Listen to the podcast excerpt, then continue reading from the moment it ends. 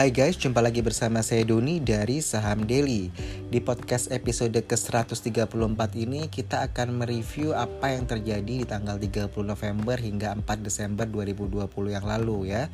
Kita lihat bahwa IHSG berada di titik terendahnya di 5612, mencapai titik high-nya di 5822 dan ditutup pada level 5810 di Jumat 4 Desember 2020. Itu artinya IHSG mengalami peningkatan yang sangat tipis slightly ya, itu di positif 0,47 persen. Ada dua sektor yang mengalami peningkatan yaitu sektor mining itu 4,76%, lalu agriculture di 4,69%.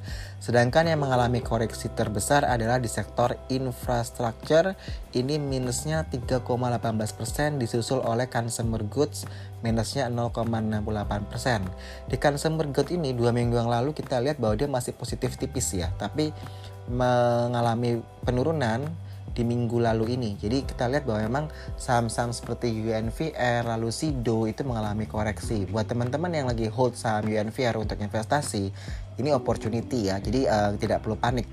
Uh, kalau kita compare misalkan kayak Telkom ya waktu itu ketika saham-saham pada naik dia malah turun terus gitu ya kayak menguji kesabaran kita hingga dia menyentuh level 2400-an.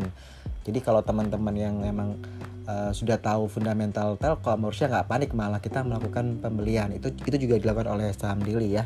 Kita saat itu ketika Telkomsel menyentuh level 2400 naik 2700 turun lagi itu kita tetap melakukan pembelian. Jadi kita uh, akumulasi begitu ya. Ketika dua sudah breakout ya kita cuan cukup lebar di Telkom seperti itu.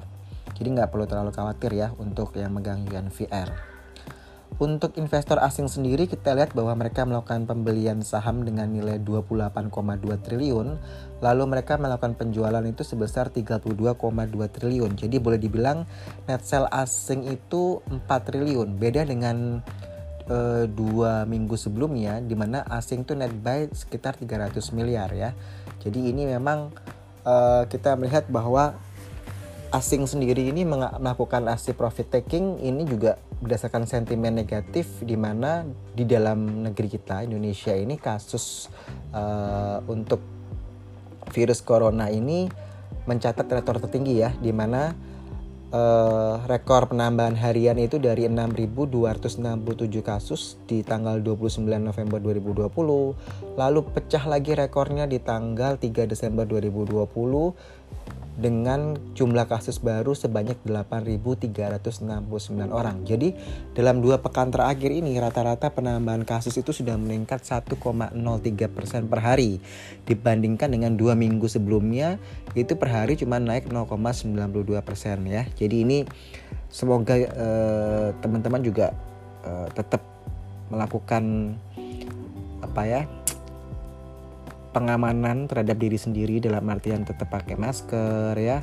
lalu jaga jarak rajin cuci tangan seperti itu. Jadi semoga uh, kita juga sama-sama menjaga agar uh, kasusnya tidak semakin naik ya.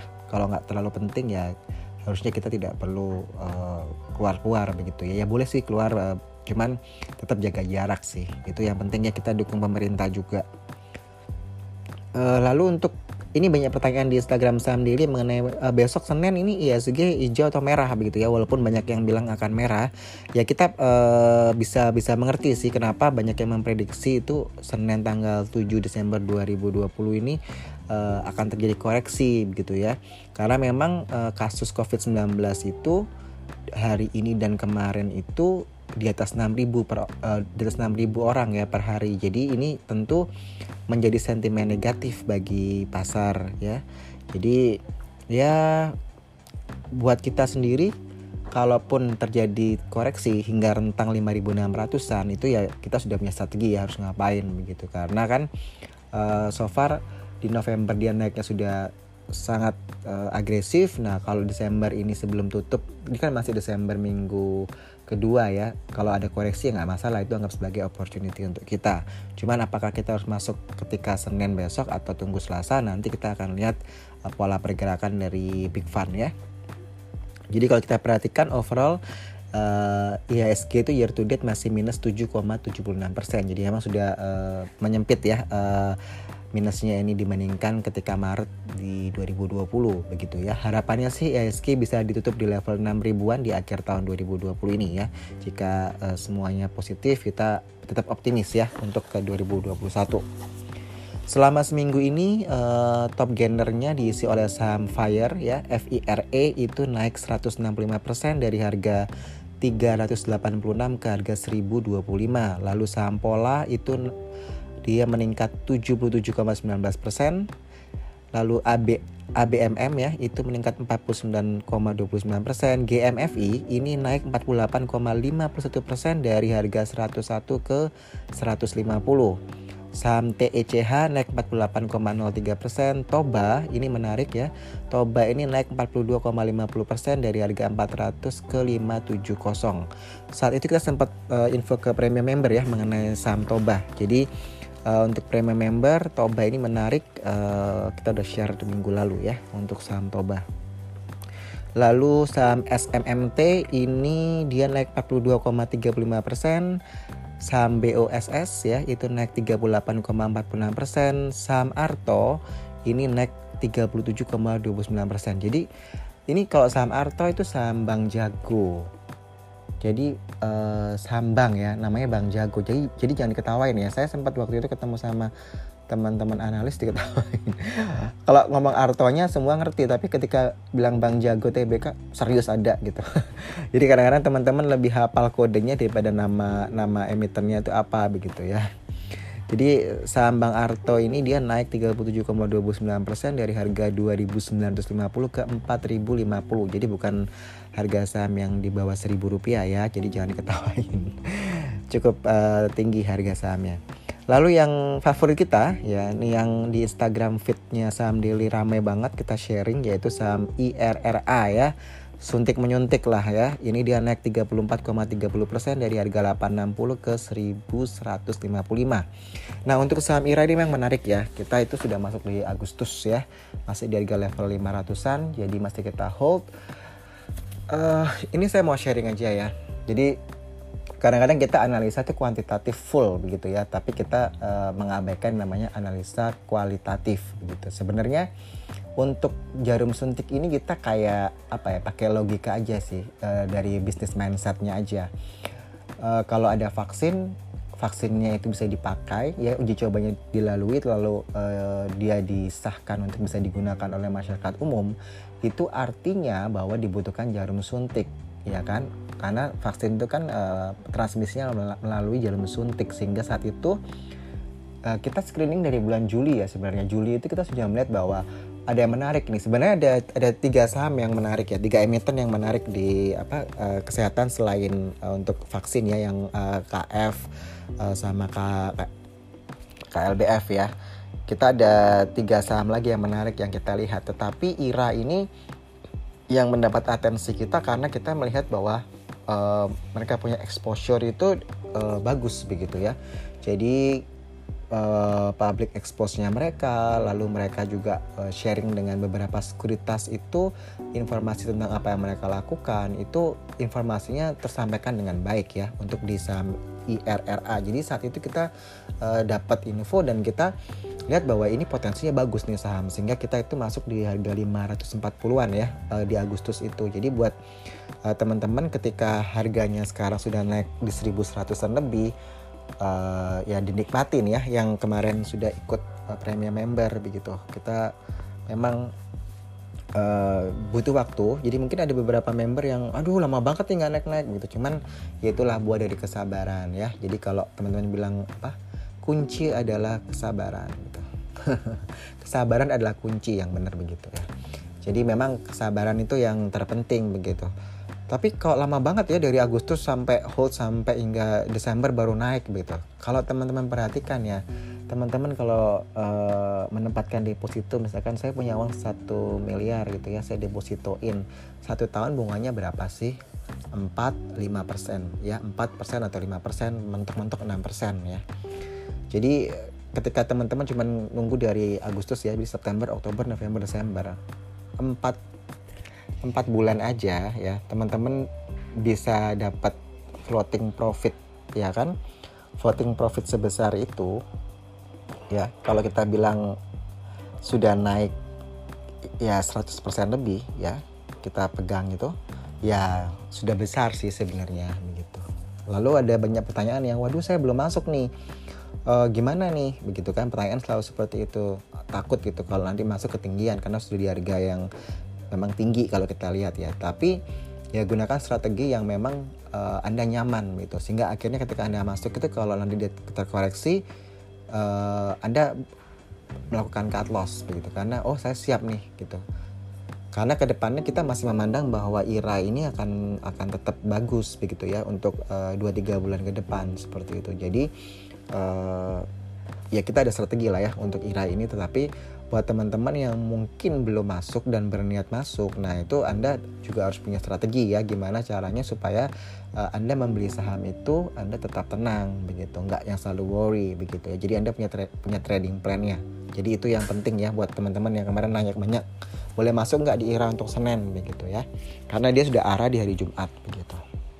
Untuk premium member ini saya uh, sekalian sharing ya bahwa itulah saya bilang kesabaran adalah kuncinya. Kalau teman-teman cuma mikirin jangka pendek, ya memang scalping itu emang dia pengennya 3% satu hari. Tapi kalau saya bilang saya bisa nunggu 3-4 bulan terus dapat 100% ya multi bagger gitu ya yang lebih banyak lagi kayak kemarin kita di saham Tekim ya misalkan lalu Breeze itu udah multi bagger apalagi yang uh, saya lupa ini.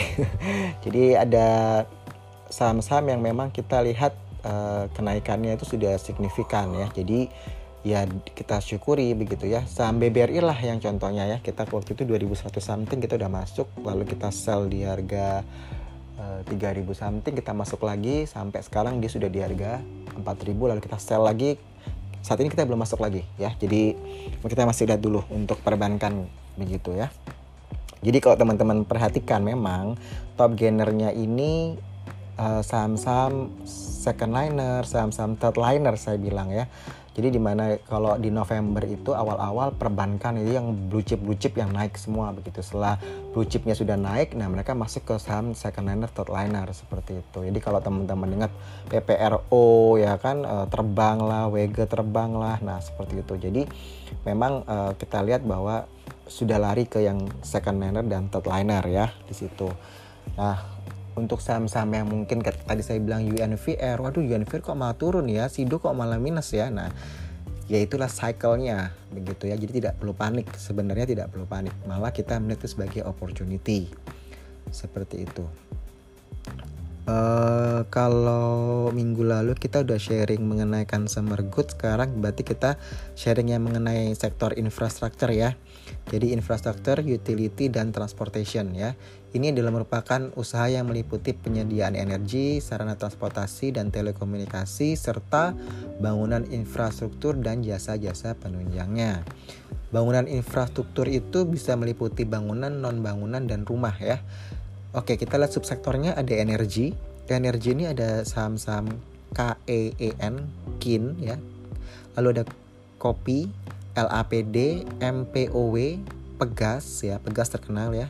Lalu POWR ini terkenal juga, lalu Raja dan TGRA. TGRA ini yang energi terbarukan ya. Masih sangat baru sekali. Lalu subsektor kedua ada toll road, uh, airport, harbor dan alat products. Ini saham-sahamnya ada CMNP, IPCC ini terkenal, JSMR terkenal ya, Jasa Marga, lalu Meta, Port, PORT, lalu saham TEBE e, ya. Untuk telecommunication ya itu ada Bitel, ada Excel ya terkenal juga, Friend ini udah tau lah semuanya, INVS, ISAT, Indosat ya, lalu JAST dan terakhir Telkom yang kita selalu hot Telkom ya. Setelah sekian lama tidur ya, uh, sideways waktu itu turun uh, downtrend, downtrend, downtrend mulu kayak akhirnya saya bilang udah kayak sideways aja itu gitu-gitu aja dan akhirnya dia breakout. Lalu uh, subsektor keempat ada transportation. Ini paling banyak emitennya. Di teman-teman boleh uh, catat pelan-pelan ya. Ada saham Apple, lalu ada ASA, ASSA ini populer, BBRM, BESS, BIRD, BIRD ya, BIRD terkenal juga, BLTA, BTPR, CANI, CAS, CASS, CMPP, CPGT, DIL ya, DEAL, lalu GIAA, GIAA semua pada tahu ya Garuda, lalu ada Heli, HITS, IATA, INDX, IPCM, IPCM juga terkenal ya, uh, hampir sama dengan IPCC, lalu Jaya, lalu KJEN, LIAD lead ya LRNA MBSS MBSS juga MBSS juga lumayan uh, familiar. Lalu Mira Nelly NELY PSSI Pura RIGS SAFE SAPX SDMU SIP SHIP ya SIP itu SMDR ini juga lumayan populer Sochi lalu Tamu taksi, TCPI, TMAS, TNCA, TPMA, TRAM, TRUK, WH ya, WEHA, terakhir ZBRA. Jadi banyak ya yang transportation tapi yang terkenal saya rasa cuman GIAA, ASA, lalu SMDR, Sochi, MBSS ya. Lalu subsektor kelima ada non building construction ini uh, saham Bali, BUKK, GON, GHLN, IBST, LCKM, MTPS, PPRE ya, PPRE yang kemarin lagi digoyang.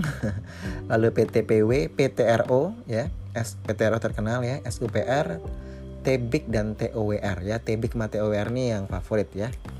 Lalu untuk yang others infrastructure itu kayak BUL, BWL, IMAS, OA, OACA, OASA ya, PTIS dan WINS begitu. Jadi ini uh, ada banyak saham, termasuk yang minggu lalu kita sharing mengenai uh, consumer good ya. Consumer, minggu lalu kita tuh sharing emiten-emiten berdasarkan sektor dan subsektornya itu di sebentar ya, saya lihat. Ya betul. Uh, minggu lalu di miscellaneous industry sama consumer goods industry. Jadi nanti kalau, kalau minggu depan sektor apa yang lemah, nanti kita akan sharing sahamnya apa apa saja ya, teman-teman catat aja. Kalau yang baru dengar bisa dengar episode sebelum-sebelumnya ya karena kita banyak uh, sharing di situ. Oke, itu tadi dari sektor infrastruktur ya. Karena dia uh, boleh dibilang kemarin itu um, melemah ya 3,18 persen. Kalau untuk yang consumer good dia minus 0,68 persen tapi kita nggak share lagi sahamnya apa apa aja teman-teman uh, dengarkan episode podcast episode 133 ya minggu minggu lalu Oke, untuk minggu depan. Jadi untuk Senin depan ya tanggal 7, uh, eh, ini saya ngomong tanggal 6 Desember 2020. Jadi untuk Senin tanggal 7 Desember itu memang tadi di awal saya bilang bahwa banyak yang memprediksi bahwa IHSG akan terkoreksi ya dikarenakan uh, kasus COVID itu makin hari makin naik hingga mencapai 6.000 orang per harinya. Jadi di atas 6.000 sehingga ini yang menjadi sentimen negatif dan menjadikan pemicu bagi investor asing untuk melakukan penjualan sebesar 4 triliun ya sepanjang seminggu kemarin begitu ya. Jadi nggak wajar juga kalau ada teman-teman yang melakukan profit taking ya karena memang takut uh, harga sahamnya turun gitu ya atau floating profitnya uh, drop lagi jadi mereka melakukan profit taking. Jadi di minggu depan itu kalau kita lihat sebenarnya CPO ya uh, harga minyak sawit mentah itu saat ini berada di level tertinggi ya di 8,5 tahun. Jadi benar-benar level tertinggi selama 8,5 tahun dicapai di mana CPO ini uh, di bursa derivatif Malaysia itu naik 3% ya ke 3.472 ringgit per ton atau sekitar uh, 855 US dollar per ton. Jadi ini merupakan level yang tertinggi semenjak Mei 2012 ya untuk CPO. Jadi ini penting banget di mana karena ketika CPO naik Indonesia dan Malaysia ini kan uh, produksi CPO ya.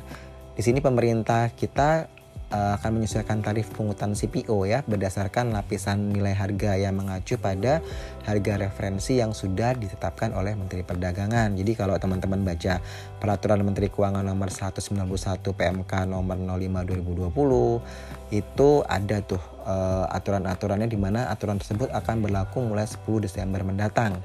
Di mana dalam peraturan yang terbaru ini tarif pungutan ekspor CPO itu minimal US 55 US dollar per ton dan paling tinggi adalah 20, 255 dolar per ton ya.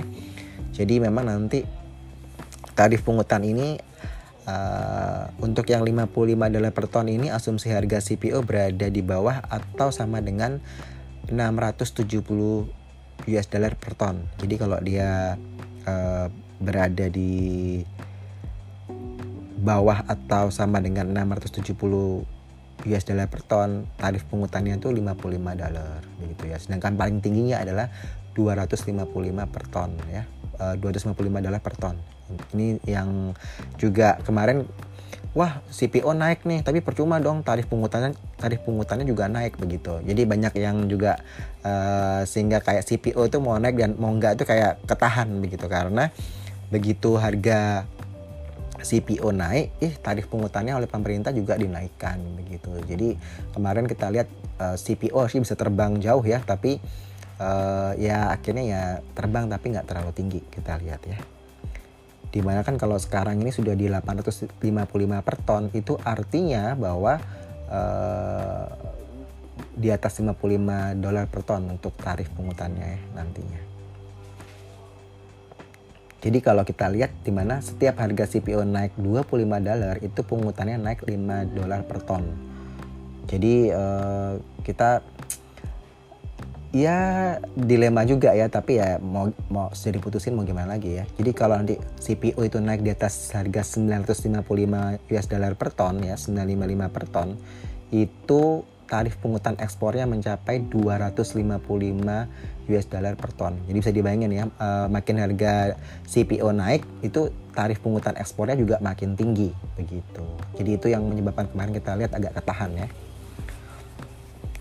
Nah kalau kita lihat dari Reuters ya di mana mereka melihat bahwa stok CPO Malaysia bulan November itu akan turun 2% dari sebulan sebelumnya yang uh, jadi menjadi 1,5 sorry 1,54 juta ton ya di mana tingkat produksi itu turun 10% menjadi 1,55 juta ton dan yang merupakan yang terendah dalam 8 bulan terakhir. Jadi ya wajar kalau harga CPO itu naik ya karena memang uh, tingkat produksinya turun gitu.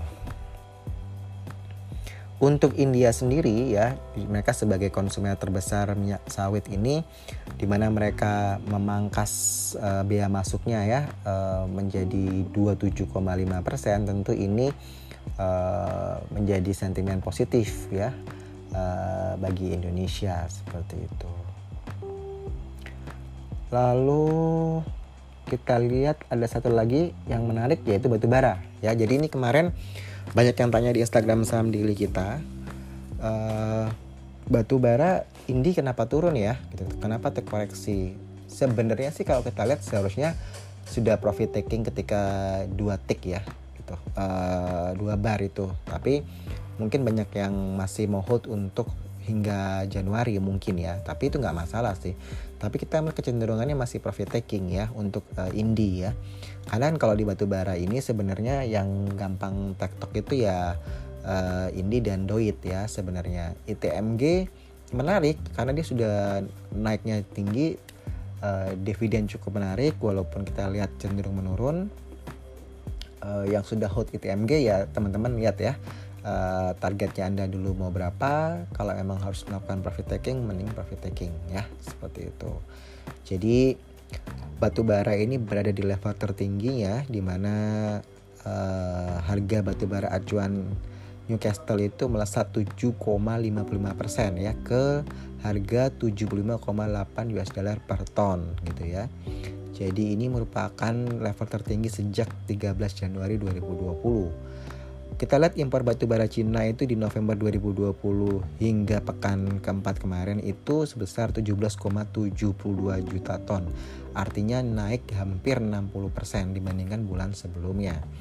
Kalau kita lihat impor batu bara di India itu dia naik 6,78% ya. Jadi menjadi 19,38 juta ton. Jadi memang uh, di India sendiri ini impor batubara makin lanjak semenjak uh, lepas dari semester 1 ya. Nah, masalah hubungan antara Cina dengan Australia terkait uh, apa ini investi investigasi asal dari wabah COVID-19 sehingga Cina akhirnya memboikot produk batubara Australia ini tentu juga menjadikan uh, sentimen positif ya buat uh, batubara Indonesia begitu. Lalu kita juga melihat ada penandatanganan ya antara Indonesia dengan Cina ya terkait uh, pembelian sekitar 1467 miliar US dollar ya di tahun depan. Tentu ini juga positif bagi sektor pertambangan.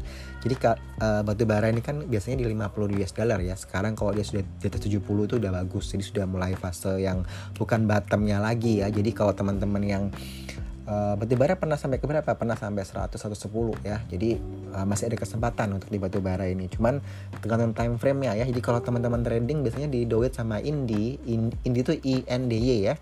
Itu memang dia ada koreksi 3 bar kita lihat ya. Seperti itu. Lalu kita lihat lagi ada berita yang bagus apa lagi? Uh, tadi CPO sudah, batu bara sudah. Oh ya, tanggal 7 Desember ini besok itu akan rilis data cadangan devisa Indonesia ya uh, di mana di bulan awal bulan November itu cadefnya kita tuh di 130 133,7 miliar US dollar ya atau dia turun satu setengah miliar US dollar dibandingkan posisi akhir September.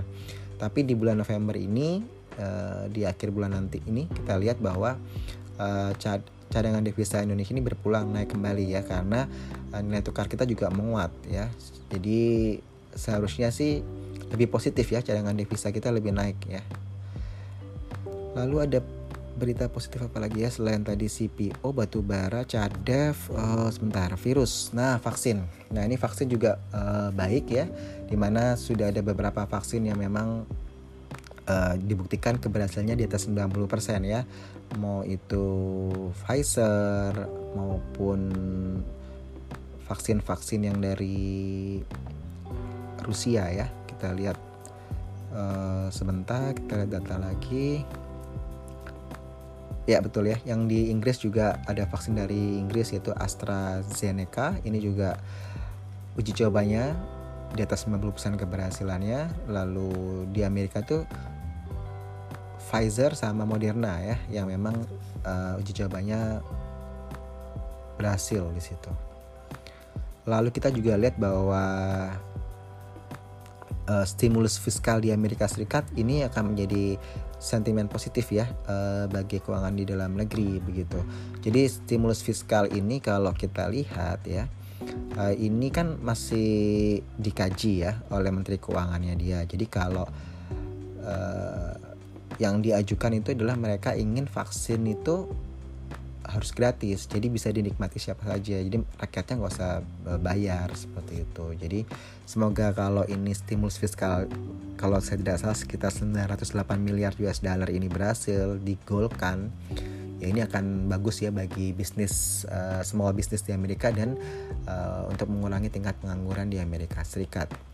Kalau kita tidak salah info, uh, dapat info ya ini bahwa keputusan stimulus ini ada tenggat waktunya yaitu uh, ketika pengesahan anggaran tahun fiskal 2021 yaitu tanggal 11 Desember 2020. Jadi ya, ini kan kita uh, minggu depan itu sebentar saya lihat kalender dulu. Wait wait. Ya. Kalender itu kan tanggal 7 sampai tanggal 11 ya untuk perdagangan itu. Tanggal 9 kita libur ya kalau saya tidak salah karena ada pemilu ya. Jadi uh, tanggal 11 itu akan uh, ada keputusan mengenai stimulus itu begitu ya. Kalau stimulus itu ber, uh, berhasil digolkan, nah pasti uh, positif buat bursa begitu. Nah kalau Senin, Selasa, Rabu bursa uh, lagi terkoreksi ya Anda harus pintar-pintar tuh mau ngapain. Udah ngerti kan ya?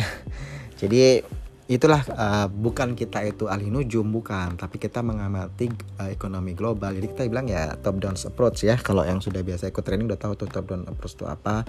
Kalau yang nggak tahu boleh di Google uh, YouTube terserah whatever. Tapi banyak banget uh, zaman sekarang itu uh, informasi tentang itu. Anda bisa searching aja. Jadi memang uh, kalau saya lihat sih masih banyak positifnya sebenarnya. Cuman kalau kita menyangkut Indonesianya nah itu tuh uh, kita lihat grafik uh, dari COVID-19 yang di Indonesia ini naik terus kagak turun-turun gitu. Jadi itu yang uh, aksi jual asing itu yang um, apa ya nggak bisa menahan laju mereka jualan begitu ya. Jadi kita sih ya sudah siap sih seandainya memang uh, harus terkoreksi begitu ya. Nanti begitu menjelang liburan dia akan naik lagi. Jadi buat teman-teman yang suka galau ya terutama yang nyubi-nyubi ini kalau saya udah sharing begini harusnya teman-teman lebih firm ya. Jadi nggak terlalu nggak terlalu takut waspada tuh boleh gitu. Jadi gunakan trading plannya trading rules ya udah fix gitu ya. Kalian udah punya aturan trading yang pas begitu. Yang kokoh lah kita bilang nggak gampang terombang ambing jadi kalian sudah tahu kalau oh kalau market lagi koreksi saya harus ngapain ya? Oh koreksinya seberapa besar nih sebelum saya melakukan aksi apa? Nah gitu. Jadi membuat keputusan apa dan jadi aksi apa. Jadi itu yang penting sih. Sama kayak saham IRA itu banyak yang nanya e, saya mau masuk ini udah ketinggian nggak ya? Nah kalau anda tidak nyaman ya jangan masuk dong gitu. Jadi kita tuh harus harus apa ya ada risiko yang timbul di setiap kita mengambil suatu keputusan apalagi di bursa saham gitu loh tergantung resikonya lebih besar daripada reward atau rewardnya lebih lebih besar daripada risknya itu. Jadi anda harus compare tuh antara risk and reward atau kita bilang upside and downside nya jadi kalau saya pakai istilah-istilah itu teman-teman harus sudah tahu ya uh, kalau udah dengar podcast ini begitu.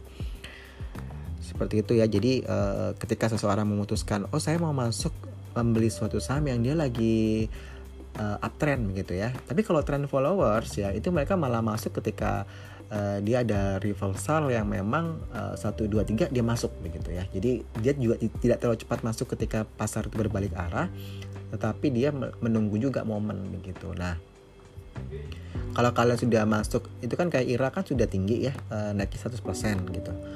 Nah, kalian harus benar-benar bisa uh, buat trading plan yang di mana kalian nyaman gitu ya di risk seberapa gitu jadi kalau seandainya dia tetap naik terus menembus 1500 2000 nah sedangkan anda nggak ngambil action apa pun ya begitu. Tapi wah kalau saya ambil action nanti saya rugi gimana? Nah itulah namanya risiko bukan gambling ya. Jadi uh, kalian harus buat trading plan yang uh, menyesuaikan dengan dana kalian dengan level penerimaan resiko kalian. Jadi itu penting ya. Jadi yang buat kita itu uh, bisa trading dengan lebih nyaman ya itu tadi. Ada trading rules ada trading plan.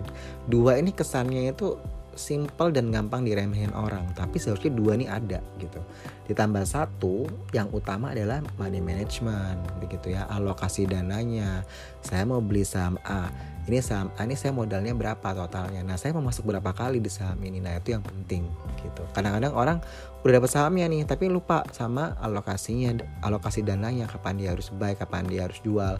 Karena dia juga nggak nggak pernah mengatur money managementnya dan dia nggak punya trading plan. Nah itulah yang kesalahan-kesalahan yang sering walaupun saya udah cerewet ngomong ya orang kadang-kadang cuek aja. Begitu trading uh, begitu market buka udah lupa semua tuh gitu Makanya kenapa podcast ini kita buat ya supaya teman-teman tuh denger mau tidur didengar mau berangkat uh, berangkat kantor teman-teman dalam perjalanan denger aja gitu.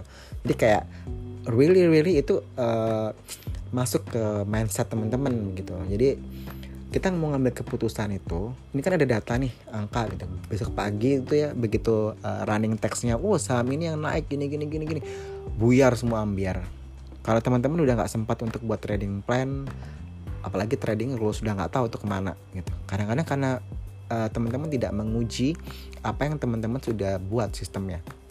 Saya kasih contoh ya di premium member saham daily itu kita bisa kasih 2 sampai 3% saham per hari untuk trading uh, trading day watchlistnya mereka ya.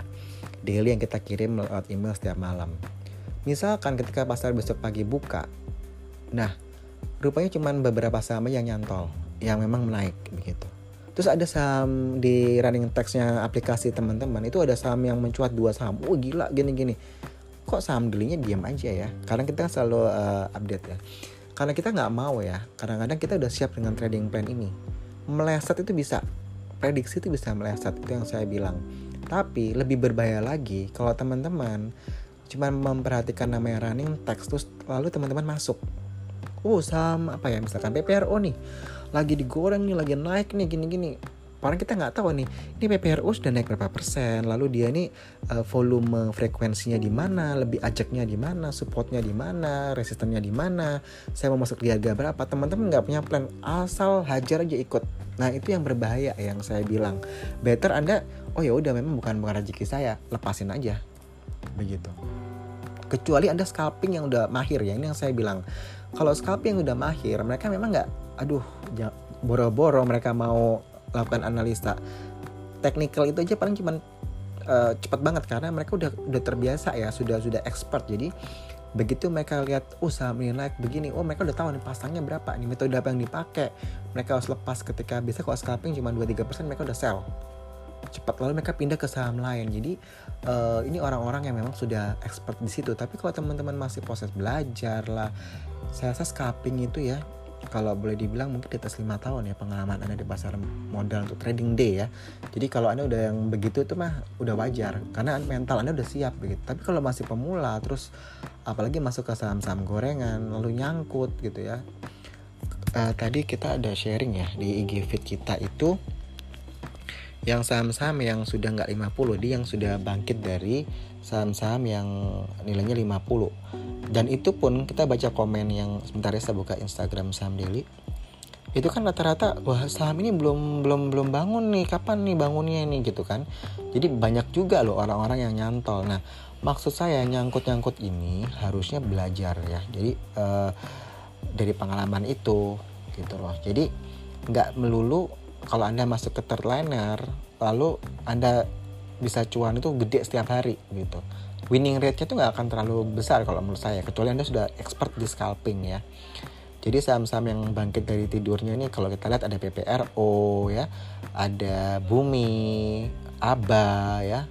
Ini yang terkenal-terkenal aja saya bacain ya. Lalu Dian ya Dian kemarin tapi masih nggak terlalu tinggi ya tapi yang paling besar ya PPRO yang turnovernya 2 triliun ya. PPRO, PNBS, BHIT, Kayu, MLPL, INPC ya. Itu gede-gede sama BGTG itu gede. Uh, mana lagi? Sama MDIA eh sorry BKSL ya ini juga kecil banget cuman uh, turnovernya tinggi jadi teman-teman bisa lihat di Instagram Samdil ya kita udah share itu tadi hari ini jadi itu pelajaran sih ya untuk yang teman-teman yang nyangkut bahwa uh, kalau udah tahu masuk ke saham-saham yang gorengan yang uh, nilainya itu di bawah 100 itu ya itu. Yang saya bilang jangan ditinggal sedetik pun. Even kalau anda ke, ke toilet ya anda bawa handphone anda anda lihat. Begitu. Jadi uh, minggu depan ya besok ini kita masih lihat uh, CPO batubara oh ya saya kelupaan hampir. Ini banyak yang tanya mengenai uh, animal feed. Animal feed itu uh, pakan ternak ya bahasa Indonesia nya uh, memang menarik. Ada kita udah masuk hmm, kemarin itu oke okay, oke okay, ya. Uh, Cepin itu kita sempat masuk lalu lalu kita keluar ya uh, lebih lebih ke trading ya. Uh, karena dia sudah di 6 ribuan begitu. Tapi kalau yang JPFA sama main itu masih masih potensi ya teman-teman ya. Lalu untuk uh, Kensamar kemarin banyak yang nanya INVR sama Sido. Makanya saya sebut sahamnya langsung. Kalau untuk Sido hold keras aja nggak masalah. UNVR itu pernah di 5500 ya dropnya. Jadi buat teman-teman uh, kalau mau masuk di UNVR sekarang ya itu udah siap mental. Seandainya dia turun ke harga 5000 walaupun itu uh, kemungkinannya kecil tapi masih bisa sih ya cuman uh, melihat fundamentalnya UNVR sih harusnya nggak terlalu khawatir gitu ya. Uh, tapi kalau yang nggak siap mental ya uh, atau nggak suka aduh ini uh, slow goers ya jadi uh, slow grower ini benar-benar yang uh, lambat banget lelet gerakannya kayak kura-kura gitu ya. Nah buat yang teman-teman nggak suka begini lebih senang yang volatile ya mungkin bisa pilih saham lain ya. Jadi ini disesuaikan aja dengan karakteristiknya karakteristiknya apa? Teman-teman itu agresif ataukah moderat atau konservatif gitu ya. Kalau kita memang lebih ke moderat konservatif. Tapi kalau day trading itu kita bisa saja jadi yang agresif. Tapi agresif ketika uh, marketnya mendukung. Jadi ketika pagi market buka itu lalu volume price frekuensi semua mendukung kita masuk itu kadang-kadang kita uh, lebih cepat ya uh, info ke member terus gitu. Karena emang kita tahu bahwa ini dari pagi bahkan sampai break after break itu tetap bagus. Uh, volume itu gak dicabut gitu. Jadi kalau udah begitu itu kita nggak uh, usah nggak usah takut nyang, nyangkut di atas ya. Tapi itu nanti uh, masalah jam terbang sih. Yang penting latihan aja gitu.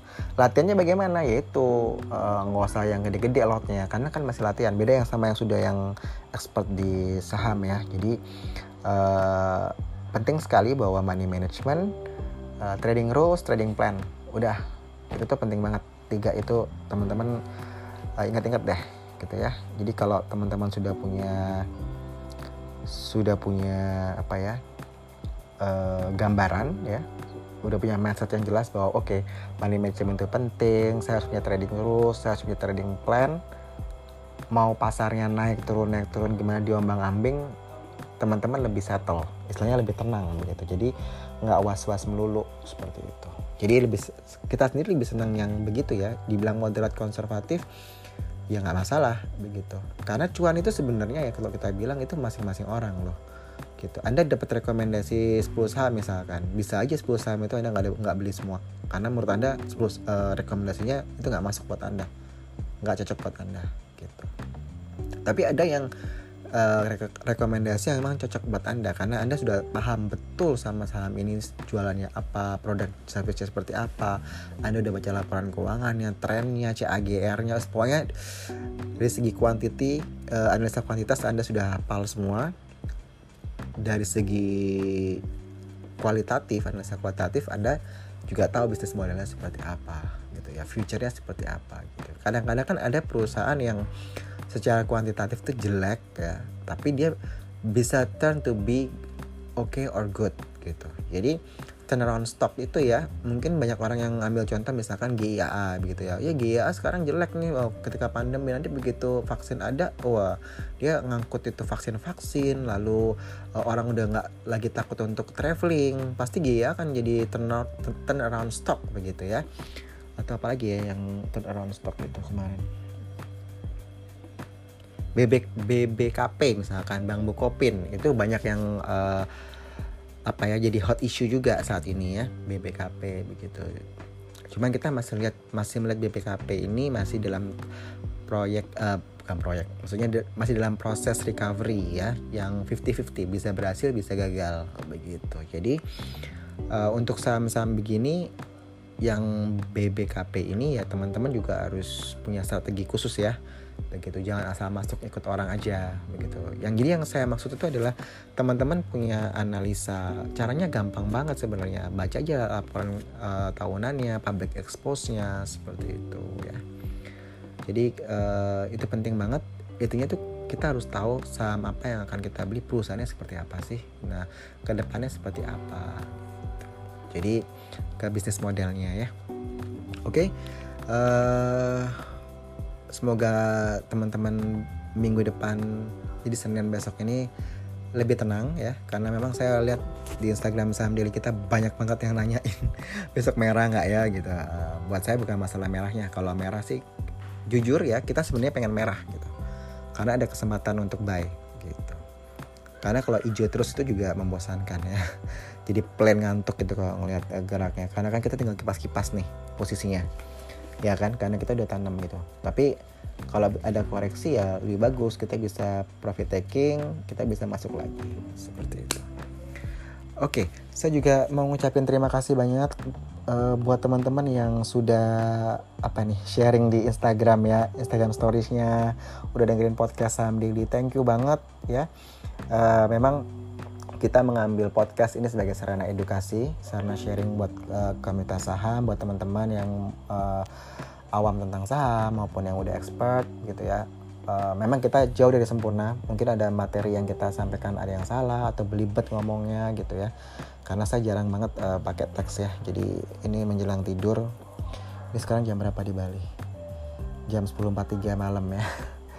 saya suka sharing begini karena saya nggak punya cukup waktu ya untuk misalkan uh, eh, IG live begitu-begitu. Karena lagi oh ya untuk materi training udah hampir selesai 90% jadi nanti kalau udah ini mungkin yang saya prioritaskan teman-teman yang dulu udah book ya yang udah DP uh, nanti kita akan tentukan formatnya ya apakah mau dalam bentuk video atau memang uh, zoom atau pengennya sih langsung ketemu ya.